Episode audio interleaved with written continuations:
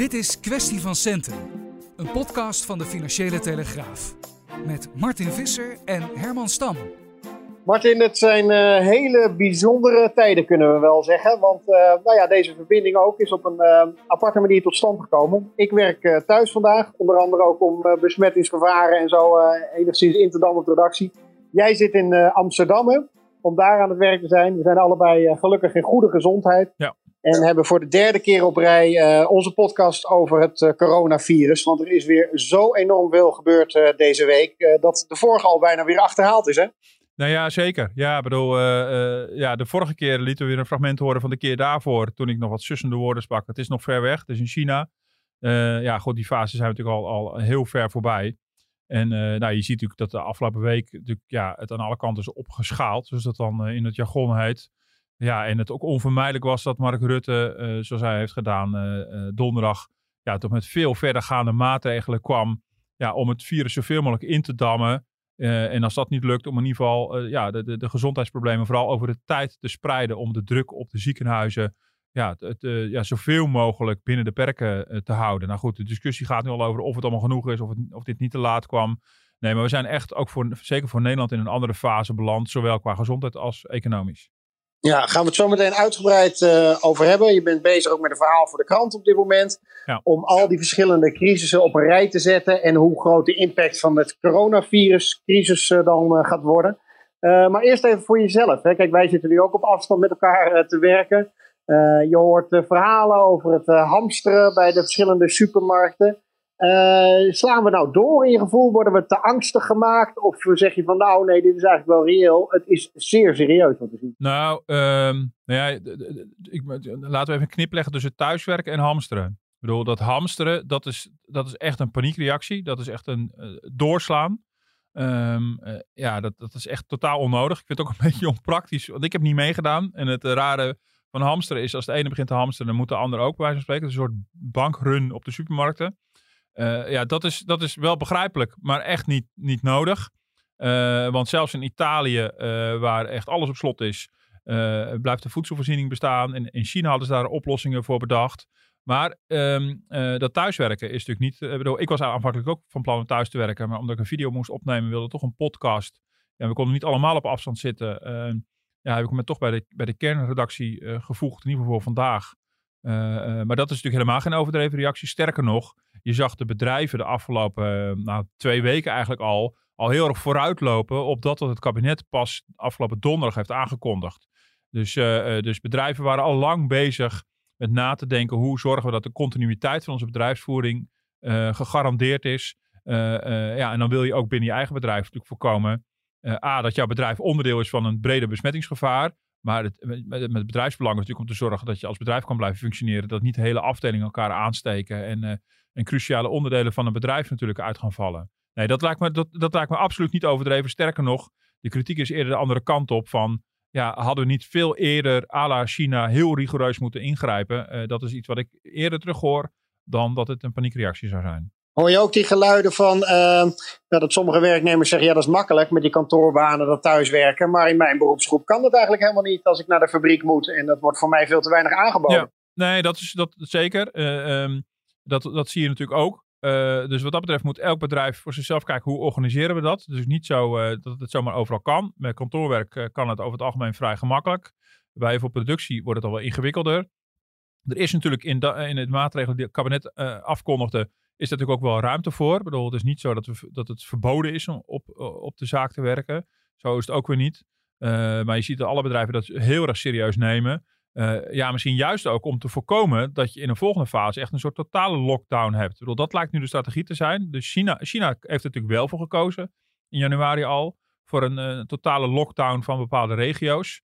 Met grote economische uh, gevolgen. ja, het moet nu een beetje blijken of, of ja, welke van beide aanpakken nou het beste gaat zijn. Ehm, dat, is, dat is wel heel moeilijk te voorspellen. ik denk dat wij nog aan de voorzichtige kant zijn uiteindelijk. Ja, en dingen zoals de thuiswerkstress. Ik zie allerlei dingen op Twitter voorbij komen ook. Dat mensen met kinderen in hun nek zitten te werken. En oh, wat is dat lastig. Is dat herkenbaar voor jou? Ja, nee, ja zeker. Dat is zeker wel herkenbaar. Want nou, zoals we gezegd, vanmorgen uh, begon ik eigenlijk eerst thuis. Bedoel, om het even een beetje particulier te houden. en mijn vrouw werkt thuis. en, mijn dochter was thuis. Die nou, wat, een klein beetje verkouden, eigenlijk niet echt ziek. Maar denk, nou, weet je, zeker voor het onzekere. en toen kwam ook nog onze schoonmaak. ik denk van, oei, het begint hier wel heel vol te worden. Dus ik was blij toen de video belde of ik een video kon maken. En ik ook toestemming kreeg natuurlijk gewoon van onze leiding om, om dan hier naartoe te gaan. Uh, nee, ja, goed, het wordt improviseren. Ik bedoel, uh, en, uh, en dat geldt voor iedereen. En dat moeten we tegelijkertijd ook niet dramatiseren. Ik bedoel, dat moet dan maar even. laten we gewoon een beetje pragmatisch zijn en dat pragmatisch oppakken. Ik denk dat die bereidheid veel groter is dan het kabinet tot nu toe heeft gedacht. in mijn beleving is het kabinet iets te veel bezig geweest met, ja, gaat de samenleving het wel accepteren en kan de economie het wel aan? Dus dat, dat zeggen ze natuurlijk niet zo letterlijk, maar dat gevoel krijg ik wel. Ik denk dat heel veel mensen dat wel oppakken. Maar dat, ja, het, ik, ik spreek ook economen van, van, van de economische bureaus van de banken bijvoorbeeld. Ja, uh, die zeggen ook ja, massaal thuiswerken is natuurlijk wel een groot experiment. Dat hebben we in deze mate natuurlijk nog nooit gedaan. Dus het moet blijken. Bedoel, dat, ja, al ligt dat er productieverlies is. Met, uh, ja, als jij een, eh, een, een, een, een, een jengelend kind in je nek hebt, ja, dan tik je toch even minder snel dan wanneer je gewoon uh, tussen je jengelende collega's zit. maar goed, ja. ja het, het, is, het is even niet anders. Ja. Had je het idee, eh, je, zei, eh, je had het over eh, de, de acceptatie van dit soort maatregelen. dat het in een soort stroomversnelling kwam toen eenmaal Trump die aankondiging deed van nou, ik doe eigenlijk Amerika een maand lang op slot voor Europa. En dat toen mensen zoiets kregen van ja, maar goed, welke kant gaan we nu heen? Ja, nou, ik, ehm, ja, ik weet, je weet ook niet zeker wat de trigger was. Ik heb, maar mijn indruk is niet dat het kabinet heeft gehandeld op basis van Trump. Ik bedoel, dat gaf wel weer een nieuwe urgentie. Um, ik had ook zoiets van, wat, wat krijgen we nu? Er komt echt ook een echt ook een, eh, nu kwam er ook politiek tussendoor. Iets wat nogal protectionistisch overkomt. Wat een beetje in de, in de, in de, in, in de handelsoorlog uh, scenario past. Um, uh, dus nee, maar ik, ik, ik heb wel de indruk dat het, dat het trigger, een beetje lelijk woord, maar in ieder geval de aanleiding voor het kabinet wel was dat de kritiek vanuit het buitenland steeds sterker werd. Via sociale media werd het gedeeld, je zag het in de kranten. Dat er ook vanuit Italië werd gewaarschuwd in, in onze richting van, van let nou op. Ik bedoel, je kan vanuit het uh, gezellige Nederland wel uh, met een beetje weemoedig kijken naar de Italiaanse toestanden. Van hoe hebben ze daar zo slecht geregeld. Maar, maar kijk eens naar je eigen grafieken en naar de uitbraken en besmettingen in eigen land. Dus, dus de, en dat zag je ook, de Irish Times, uit allerlei hoeken kwamen de verhalen van nou, Nederland kiest met zijn laconieke aanpak wel een hele gewaagde variant van het bestrijden van dit virus. ik denk dat dat meer aanleiding was. En dat je natuurlijk ook zag dat RIVM, dat was in ieder geval de officiële argumentatie, RIVM zei van, ja, van, een, van een, in mijn woorden dan, van een, te, groot aantal besmettingen kunnen niet meer de exacte uh, oorzaak uh, terugherleiden. Uh, ja, dan, dan, dan, dan loop je het risico dat het echt uit de hand loopt, dat, dat het niet meer controleerbaar is. En dan zijn die maatregelen op zijn plaats. Dat is de officiële verklaring. Ja, uh, nou zijn we allebei uh, één keer al bij een andere crisis uh, nauw betrokken geweest. Jij als correspondent voor het Financieel Dagblad destijds. ik voor de Telegraaf in Brussel, ja. allebei aan dezelfde tijdens de kredietcrisis. ik noemde het al aan het begin. Hè. Je bent bezig met een verhaal van, nou, hoe kun je deze crisis nou duiden? Ik weet, het is hartstikke vroeg nog en er zijn veel dingen nog niet bekend over. Maar gewoon even op het eerste gezicht. Herken je bepaalde patronen weer dat je ziet van hé, hey, uh, dat doen we nu even slecht als reactie. Of ja. dit... ja, nou je ziet overeenkomsten, je ziet verschillen. Um, een verschil is natuurlijk wel dat de, de, de kredietcrisis en zeker de daarna volgende eurocrisis. Uh, de, de kredietcrisis was natuurlijk een probleem van de banken en dat werd aanvankelijk nationaal aangevlogen. Wel met Europese afspraken van hoe ver moeten we gaan met het beschermen van de spaarders bijvoorbeeld. Ook wel gehakketak tussen die landen. Uh, dus dat was nationaal. Um, toen kwam de eurocrisis. En toen waren we natuurlijk ja, toch wel een beetje tot elkaar veroordeeld. En moesten dat uh, als eurolanden met elkaar oplossen met oeverloze eurotoppen. Ja, dat, is, dat is nu echt anders. Nu, dit is gezondheid. Dat is primair natuurlijk een nationale aanpak met uh, natuurlijk Europese afstemming. Um, maar ja, ik heb dus natuurlijk voor het, voor het, voor het verhaal in de krant uh, uh, ook natuurlijk wat zitten bellen met een aantal mensen. Uh, nou, en dan zie je, die, die brachten mij wel op een ander spoor ook van de parallellen. Ja, toch ook wel in de besluitvorming. Waar, nou, ik sprak onder andere Nout Welling van de Nederlandse Bank destijds. die ook wel wat bezorgd was. Van, ja, hij zag de parallel in de manier waarop de besluitvorming gaat. En dan niet per se de, de, de, de, dat de economische crisis zo vergelijkbaar zijn. Maar wel ja, toch, je ziet, dus hij omschreef het, je ziet het op je afkomen. Een, een, een potentiële grote crisis. Uh, een, bij, de, bij de financiële crisis was natuurlijk een bankenprobleem en hier een gezondheidsprobleem in eerste instantie. En de eerste reactie is toch, zegt hij vanuit de politiek, ja, zou het echt zo erg worden? Zou het echt zo ernstig zijn? Nou weet je, we gaan een beetje opschalen. Uh, want om meteen een hele heftige maatregel te nemen, terwijl we eigenlijk helemaal niet zeker weten of dat, laten, of dat nodig zal zijn, met het risico dat je later kritiek krijgt van nou, dat is ook allemaal uh, totaal uh, doorgeslagen. Um, hij schetst inderdaad een, een, een beeld van ja, een, een te late uh, het, het, te laat in actie komen, uh, net even te weinig doen. En daar zie je wel parallellen. Van, uh, maar heb je, heb, je dan niet, heb je dan niet, want er, is altijd dan discussie, hè, van moet Brussel bijvoorbeeld meer het heft in handen nemen, moet je dit niet meer centraal regelen voor Europa? Uh, aan de ene kant zullen eurofielen dat zeggen, aan de andere kant zullen mensen zeggen: nee, dit is juist iets wat nationaal geregeld moet worden. Hoe, hoe sta jij in die discussie? Ja, nou ja, ik vind, um, ik, ik, moeten we net in dit, bedoel, ik denk dat de Europese afstemming goed is, dat je van elkaar kan leren, je elkaar heel goed moet informeren. Dat is wel van, van groot belang. Nou, dat gebeurt soms wel, maar soms ook eh, veel minder. Um, um, maar ik, we moeten ook weer niet de, de Europese samenwerking in die zin verheerlijken. Ik bedoel, ik moet er niet aan denken dat we de maatregelen die we nu in Nederland nemen, dat we die eerst op een van de eurotop hadden moeten uh, besluiten. En uh, dat, weet je, het grijpt, het grijpt ook maatschappelijk erg in. Uh, dus ik denk dat het heel goed is dat daar gewoon de nationale regeringsleiders het voortouw nemen om hun eigen samenleving aan te spreken. Ehm, nee, dus, dus nee, ik denk eerder al die eurotop hebben laten zien dat je, dat je blij mag zijn dat we het nu niet op die manier doen. Maar de besluitvorming, de aarzeling van Gaat het nou echt zo erg worden? ook een beetje wat wij eerder bespraken. Van, nou, het is in China, het is heel ver weg. Nou, de Chinezen, nou, eh, die, die slaan wel heel erg door, jongens. En dan komt het naar Italië. En dan hebben we het al snel over Italiaanse toestanden. Ook een beetje, misschien ook wel een beetje laatdunkend. Van, nou, dat gaat ons niet gebeuren. Want wij hebben zo'n goede GGD. We hebben van die uh, lekker duidelijke mensen bij de RIVM. Uh, echte, deskundigen. Dat kunnen we allemaal aan. Ja, tot op een gegeven moment je stapje voor stapje gaat opschalen. Dat, is, dat kan een bewuste strategie zijn, dat, dat stapje voor stapje opschalen.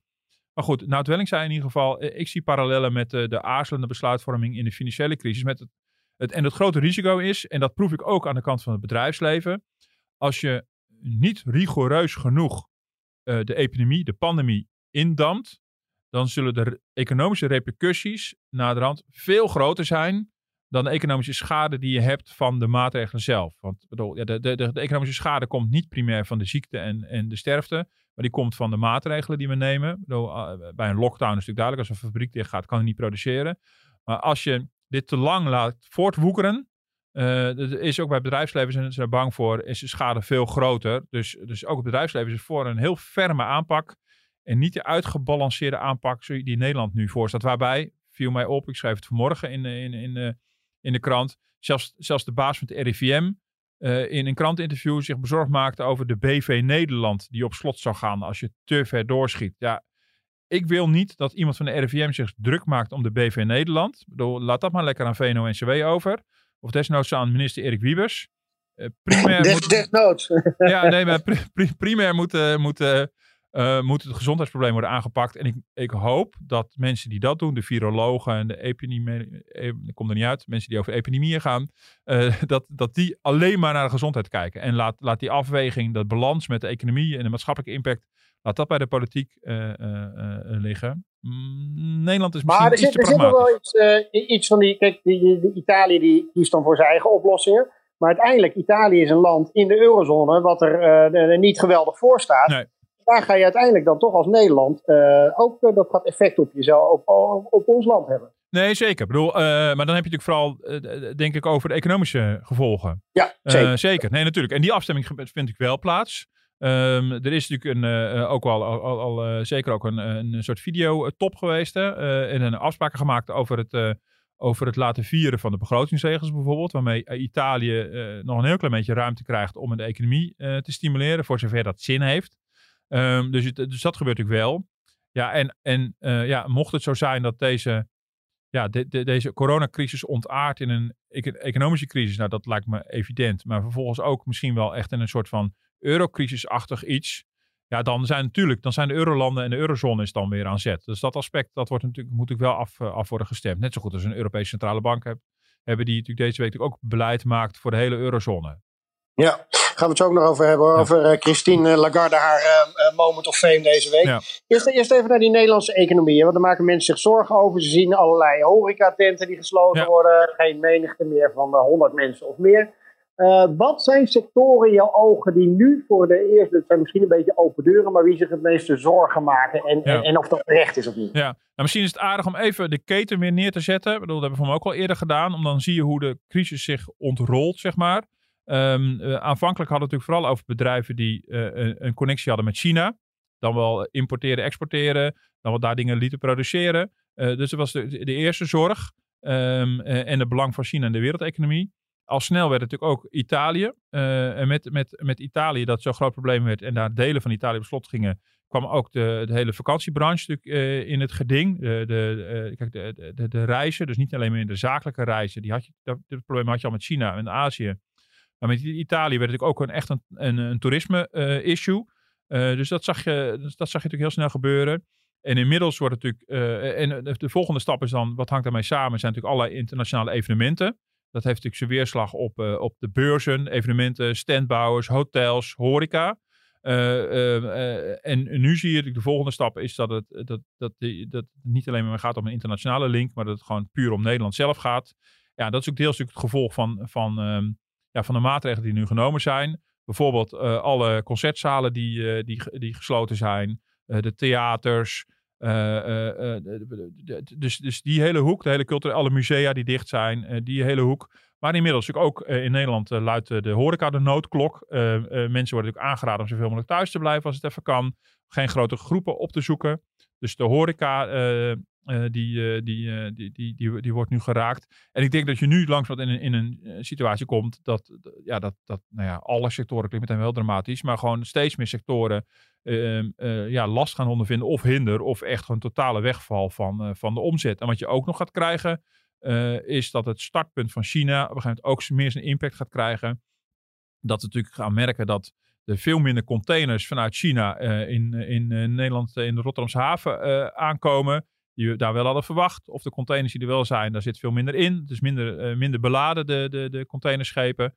dus de productieprocessen in Europa, die afhankelijk zijn van China, die gaan ook nog de hinder ondervinden. Ja, dan heb je, heb je, dan heb je het over de aanlevering van, voor de automotive industrie. Je hebt de luchtvaart natuurlijk, moet ik specifiek nog even noemen. Zeker na, na de, de inreisverbod van, van Trump. De toeleveranciers daar weer voor. Uh, um, uh, bedrijven die, ja, je weet niet op een gegeven moment of, of bedrijven echt totaal gaan sluiten of de schoonmaak. Nou, weet je, dus ja, eigenlijk wordt op een gegeven moment wordt de rij gewoon nogal breed. Maar dan zie je even de kettingreactie die ontstaat, de keten. En je ziet dus nu ook nou, dat Sociale Zaken vandaag bekend maakte dat het aantal aanvragen voor werktijdverkorting, dus de deeltijd-WC, zeg maar, dat die echt gigantisch is gestegen. Die was gisteren nog net boven de 2000, inmiddels is het ruim 5000. En ze hebben het zo druk bij Sociale Zaken dat ze niet in staat zijn om de website verder te actualiseren met, uh, met, uh, met, met, met meer details over deze cijfers. Ja, ja want jij wil, jij wil natuurlijk weten wat voor soort bedrijven dat zijn. Nou ja, kijk, sowieso doen ze geen sectorale uitsplitsing. Eigenlijk is hun uitsplitsing heel beperkt. Ze zeggen van zoveel aanvragen toegekend, zoveel, en met zoveel werknemers, zoveel aanvragen zijn afgewezen en zoveel zitten nog in de pipeline. Dus het stelt eigenlijk al weinig voor. Maar zelfs daar hebben ze geen tijd voor. Ze schrijven alleen maar op. Totaal aantal aanvragen bedraagt ruim 5000. In verband met de drukte lukt het op dit moment niet om verdere uitsplitsing te geven. Nou, wat ik in ieder geval eruit kon afleiden is van hoeveel zit er in een pipeline. Ik bedoel, uh, stokt het bij het ministerie of niet? En je zag de pipeline groeien en groeien en groeien de afgelopen dagen. En ze gaven ook het aantal werknemers, totaal aantal werknemers, door van, uh, van uh, bedrijven waarvoor het is toegekend. En dan kon je zelf uitrekenen dat het gemiddeld genomen om bedrijven met, met 10, 11, 12 werknemers ging. Dus echt de kleinere ondernemers. Ik, mijn, mijn, uh, mijn vermoeden is dat, uh, dat de omvang van de bedrijven die het nu aanvraagt uh, ook zal toenemen. Gisteren zat ik aan tafel met, ehm, met de baas van Stage Entertainment. Al, Albert Verlinde. Precies, Albert Verlinde. 400 man werken daar. En ja, ook zo'n bedrijf. Ja, al die musicals vallen meteen van het een moment stil. Gaat een werktijdverkorting aanvragen. Um, dus, dus ja, je ziet dus dat ja, het is heel en, en is, dat wel, is dat wel bedoeld? Eigenlijk is de regeling ook voor dat soort bedrijven die wat groter zijn ja. dan... Uh... Ja, alleen eigenlijk is de regeling hier niet voor bedoeld. Dus de vraag is ook, uh, dat, is, dat klinkt misschien heel formalistisch, maar de werkt uh, door eigenlijk dus de vraag van moet er niet nu de deeltijd-WW komen? De deeltijd-WW is een crisismaatregel, die hebben we gebruikt in 2008 en de jaren daarna. Werktijdverkorting is een permanente regeling voor, voor calamiteiten. Bijvoorbeeld als, als jouw winkelpand of je loods is afgebrand Um, uh, daar wordt, uh, ja, daar wordt, dus daar kan je altijd beroep op doen, als je aan de criteria voldoet, uh, weliswaar. En dit staat dus ook klaar, dat is het voordeel. Dit kon meteen worden ingezet. Het is niet zo dat sociale zaken dit heeft geregeld voor de coronacrisis. Dit is er gewoon al. Alleen je moet ook wel even besluiten van nou, de corona zien we ook als grond voor, voor werktijdverkorting. Ehm, maar het is iets wat ehm, je vraagt het aan. Je hebt een, een wachttijd van twee weken. Ehm, sowieso, de ondernemers klagen nu over dat het soms wel zes weken duurt voordat het geld wordt overgemaakt. Omdat het gewoon heel veel tijd kost om het op te starten. en het is, dus je krijgt het toegekend ook voor zes weken. Kan je het een paar keer verlengen. Na 24 weken houdt het op. Dus is echt een tijdelijke maatregel bedoeld voor normale calamiteiten. Ook bij de SARS is het overigens gebruikt. Maar de mate waarin het nu gebruikt wordt, is wel vrij ongebruikelijk. En dan, nou ja, vanuit de politiek is nu al de roep om van ja, we moeten de deeltijd-WW gaan herinvoeren. Ja, die werkt in de praktijk ongeveer hetzelfde. Er zijn net wat andere voorwaarden, maar die is van veel langere duur. En die is echt bedoeld als tijdelijke maatregel. Uh, in crisissituatie alleen wel veel langer dan die 24 weken. Maar als je dat gaat doen, dan erken je ook op voorhand al ja, dat we bezig zijn een economische crisis te bestrijden. En dat heeft ook een uitstraling. En het kabinet is heel huiverig, merk ik, om uh, via wat zij aankondigen op economisch gebied te laten blijken dat we uh, afsteven op een economische crisis.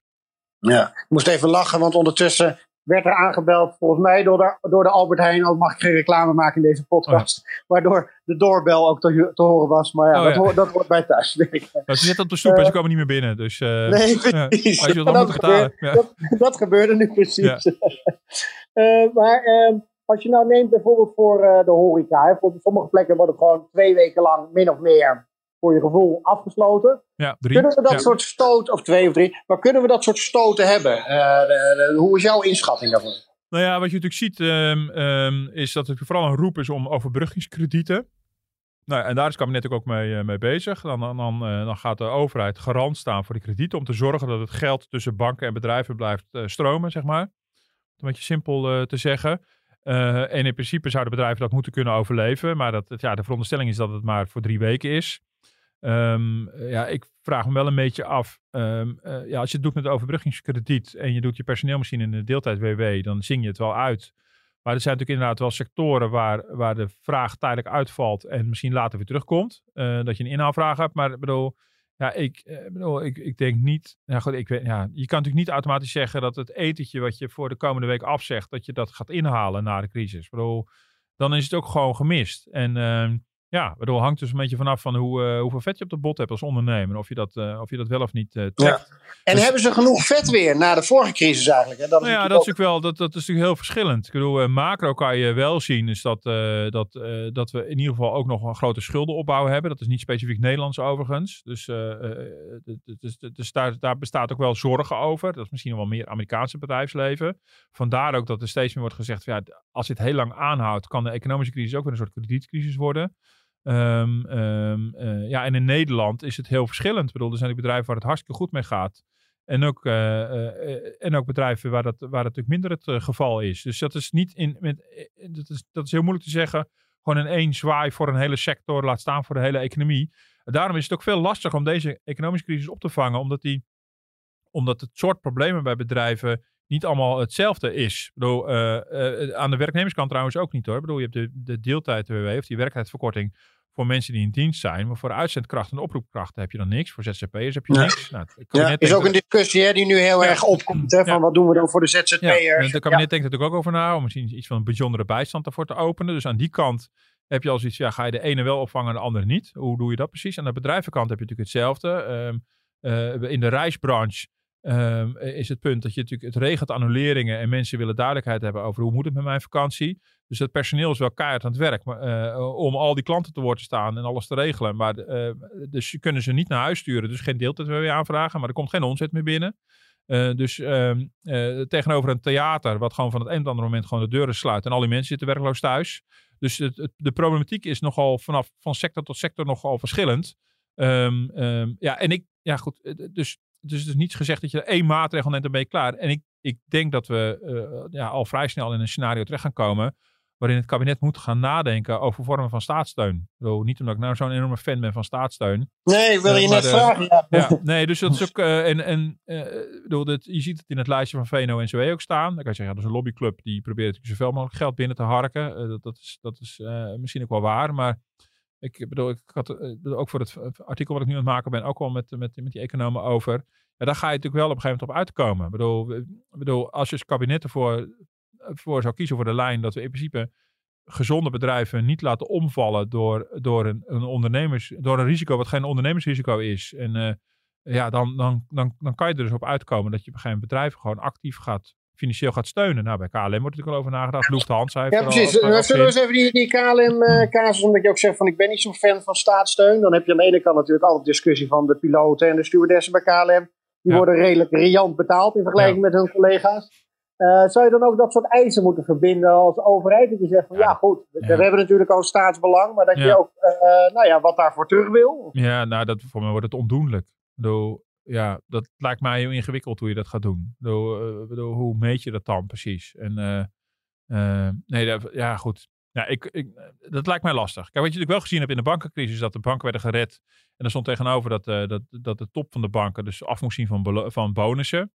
Maar dat is net even wat anders. Dat is natuurlijk een beperkte club. Dat is de raad van bestuur. Dat is natuurlijk, dat is natuurlijk beperkt. Ehm, eh, ik denk dat dit wel ingewikkeld wordt. En ik weet ook niet of je dat. Nee, ik denk. Nee, eh, dan moet je, ook, je moet ook niet als politiek je willen mengen in de arbeidsvoorwaardenbeleid van een, van een onderneming. Ik bedoel, eh, eh, dat lijkt me een hele rare move. Kijk, de overheid is, is, is een grote aandeelhouder van KLM. En sinds een tijdje ook van Air France KLM. Dus als aandeelhouder kunnen ze misschien iets van vinden. Maar dit wordt wel, dat, dat, wou- dat zou een oneigenlijke inmenging zijn. En eh, daar is ook helemaal geen tijd voor. Bedoel, je, Ja, dat maakt het trouwens ook nog ingewikkelder, hè? want KLM doet het natuurlijk eh, relatief eh, best goed en Ja. Air France minder. En dan, aan wie geef je dan precies die steun? Ja, dat wordt ook inderdaad ook ingewikkeld. En Nederland en Frankrijk zullen ook wel wat anders in een staatssteunaanvraag zitten. Ik bedoel, van ouds, de culturen van Nederland en Frankrijk zijn toch in dat opzicht heel, heel anders. Daarom is het best wel ingewikkeld, ook voor de Nederlandse overheid, van wat moet je nu precies gaan doen om de economische klappen op te vangen. En ik denk dat daar heilige huisjes misschien omver moeten. En het is te hopen dat ze daar al over na gaan aan aan denken zijn. Maar je moet het ook nog Europees allemaal, dat moet je wel weer Europees afstemmen, want we hebben gewoon Europese staatssteunregels. Eh, maar, maar dat geeft wel een beetje aan, in dat soort discussies ga je, ga je terechtkomen. Eh, bij VNO hebben ze het al over een noodfonds. Ehm, eh, de horeca had het al over een noodfonds. Maar de horeca die trok vanmorgen natuurlijk aan de bel. Waar het natuurlijk niet goed gaat. De horeca sprak echt expliciet uit. We vinden dat het kabinet veel te traag en veel te langzaam reageert. Ehm, eh, ja, en als je als, als kabinet op een gegeven moment eindelijk met ferme maatregelen komt. Ehm, dan moet je ook realiseren dat dat economische eh, consequenties heeft. En eh, ik denk wel, dat, bedoel, dat is allemaal te verantwoorden dat je dat dan doet. Maar dan moet je natuurlijk ook je economische beleid klaar hebben staan. En dat gaat, ook dat gaat een beetje zo stapje bij stapje. Ja, je zegt wel hè, van dit gaat misschien dit is moeilijker dan te bestrijden, deze crisis. Aan de andere kant is het niet zo dat als eenmaal blijkt inderdaad dat we het virus vrij goed onder controle hebben, dat je wel kan zeggen van ja goed, nu is het einde alweer in zicht, Ja. om misschien een beetje verkeerde woorden te gebruiken erin. Ja. Maar van ja, en nu kunnen we weer verder en ehm, eh, er is een vaccin of eh, het, eh, weet je, daardoor kan je wel weer een, een goed derde kwartaal zien of een vierde kwartaal. Ja, nou dat weet ik dus niet zo goed. En dat probeer ik natuurlijk ook een beetje uit te vinden van, dat was steeds het verhaal, het is sowieso tijdelijk. We weten alleen niet hoe lang tijdelijk. Dus dan krijg je het idee van, nou, dan wordt het een soort V-vormige recessie. Dus even een snelle, gaan we snel omlaag en we schieten ook snel weer omhoog. In een scherpe punt. Ehm, eh, maar nu het echt langer aanhoudt en we eh, rekening houden met, met Italiaanse toestanden hier, zoals we dat allemaal zijn gaan noemen. ehm, ehm, is de vraag of dat zo is. En is het tijdelijk, is het misschien duurt het allemaal langer. Dan zijn de echte reële effecten in de economie ook veel groter. Ehm, en dan, dan veer je niet meer automatisch terug. Ik weet het niet, maar dat, dat zijn gewoon scenario's waar nu steeds meer over nagedacht wordt. En dan krijg je een soort, soort U in plaats van een V. Dus dan, dan, dan glij je erin, maar je bent er niet zomaar 1, 2, 3 uit. En, ik, en eh, ja, als, het, als het ook nog een keer zo is dat het, he- als het zo lang aanhoudt, dat het ook echt tot problemen bij de, bij de banken zou gaan leiden. Eh, zover is het allemaal nog niet hoor, maar, eh, maar dan zit je echt in een andere, andere eh, scenario. Het lastige is op nu, dit, moment, is dat het aanvankelijk was natuurlijk echt een probleem van het aanbod. Fabrieken die stil kwamen te liggen, het transport die stil kwam te liggen. Dus de spullen konden niet meer worden gemaakt of niet meer worden geleverd. En wat je natuurlijk nu gaat krijgen, het slaat om in een vertrouwenscrisis. Ehm, eh, en ja, ik denk dat het kabinet dit heeft willen voorkomen door juist relatief laconiek te reageren. Maar de vraag is nu een beetje, ik vraag me dat ten eerste af, of ze de vertrouwenscrisis niet juist hebben gevoed door zo laconiek te reageren. Of mensen niet al lang wisten van nou, we moeten dit gewoon keihard aanpakken. Eh, nou goed, dat is een afweging geweest. Eh, dat kunnen achteraf kan niemand bewijzen eh, hoe het zou zijn gelopen als het anders was gedaan. Ehm, eh, maar dat is natuurlijk wel, dat zie je op de beurs natuurlijk. Een hele heftige reactie, natuurlijk al een hele tijd. Nou, vrijdag, vandaag veert het weer allemaal op. Eh, maar het kan zo weer allemaal anders zijn. We hebben donderdag natuurlijk de heftigste crash meegemaakt sinds de zwarte maanden van, 2000, van, van 1987. Ehm, dus, dus dan krijg je een vertrouwensprobleem. En dan heb je naast dat aanbodprobleem heb je ook nog eens een vraagprobleem. Dat consumenten terughoudender zullen zijn. Kijk, je gaat nu niet, niet, eh, niet of minder naar het café of naar een restaurant omdat je dat wil vermijden. Ehm, maar, ook, eh, maar je hebt ook het probleem dat gewoon mensen denken van nou weet je, ik wacht het even af. Ondernemers denken van nou ik investeer even voorlopig niet. En, eh, en dat kan wel lange naweeën hebben. We weten het allemaal niet, maar daar, daar bestaan wel grote zorgen over dat het echt niet per se economisch meteen voorbij is zodra ook het virus weer bestreden is. Ja. Als ik zelf terugkijk naar die tijd ook rond de verslaggeving van de kredietcrisis, zie je dat je vooral toch onder die enorme druk dat mensen blunders maken hè, of fouten of dat je denkt dat hadden we toch anders moeten doen. Zie je dat soort elementen ook weer? Ik begreep dat uh, Christine Lagarde ja. kreeg natuurlijk, de ECB-president kreeg behoorlijk kritiek. Want iedereen dacht, daar komt die renteverlaging, heeft ze niet gedaan. Nee. Schaar je dat al in een rijtje van, nou, niet zo handig mevrouw nee. Lagarde? Of? Nee, helemaal niet. Nee, nee, nee, nee. ik vind het... Uh, maar goed, daar, daar, daar, misschien krijg ik daar achteraf ook ongelijk hoor. Maar ehm, ik uh, vind dat ze heel duidelijk gemarkeerd heeft dat, uh, dat deze crisis anders van aard is. Uh, ik vind dat de Fed, de Federal Reserve, de Amerikaanse centrale bank, die, die, die onlangs totaal out of the blue met een renteverlaging kwam van 50 basispunten. dat die, die daar, daar werd ook heel slecht op gereageerd op de financiële markten. Die hebben juist de paniek heel erg gevoed. Die wekken de suggestie dat je deze crisis kan oplossen door de rente te verlagen. Nou, dat lijkt mij absoluut niet het geval. De ECB heeft heel duidelijk aangegeven wij gaan doen daar waar ons beleid behulpzaam kan zijn. Maar de primaire verantwoordelijkheid ligt bij de overheden. En eigenlijk niet alleen verantwoordelijkheid, maar de, de instrumenten liggen bij de overheden. En ik denk dat ze daar volledig gelijk in heeft. Het is natuurlijk wel heel gewaagd. Want je kan ook zeggen, van, weet je wat, we doen vanwege de symboliek doen we toch een renteverlaging.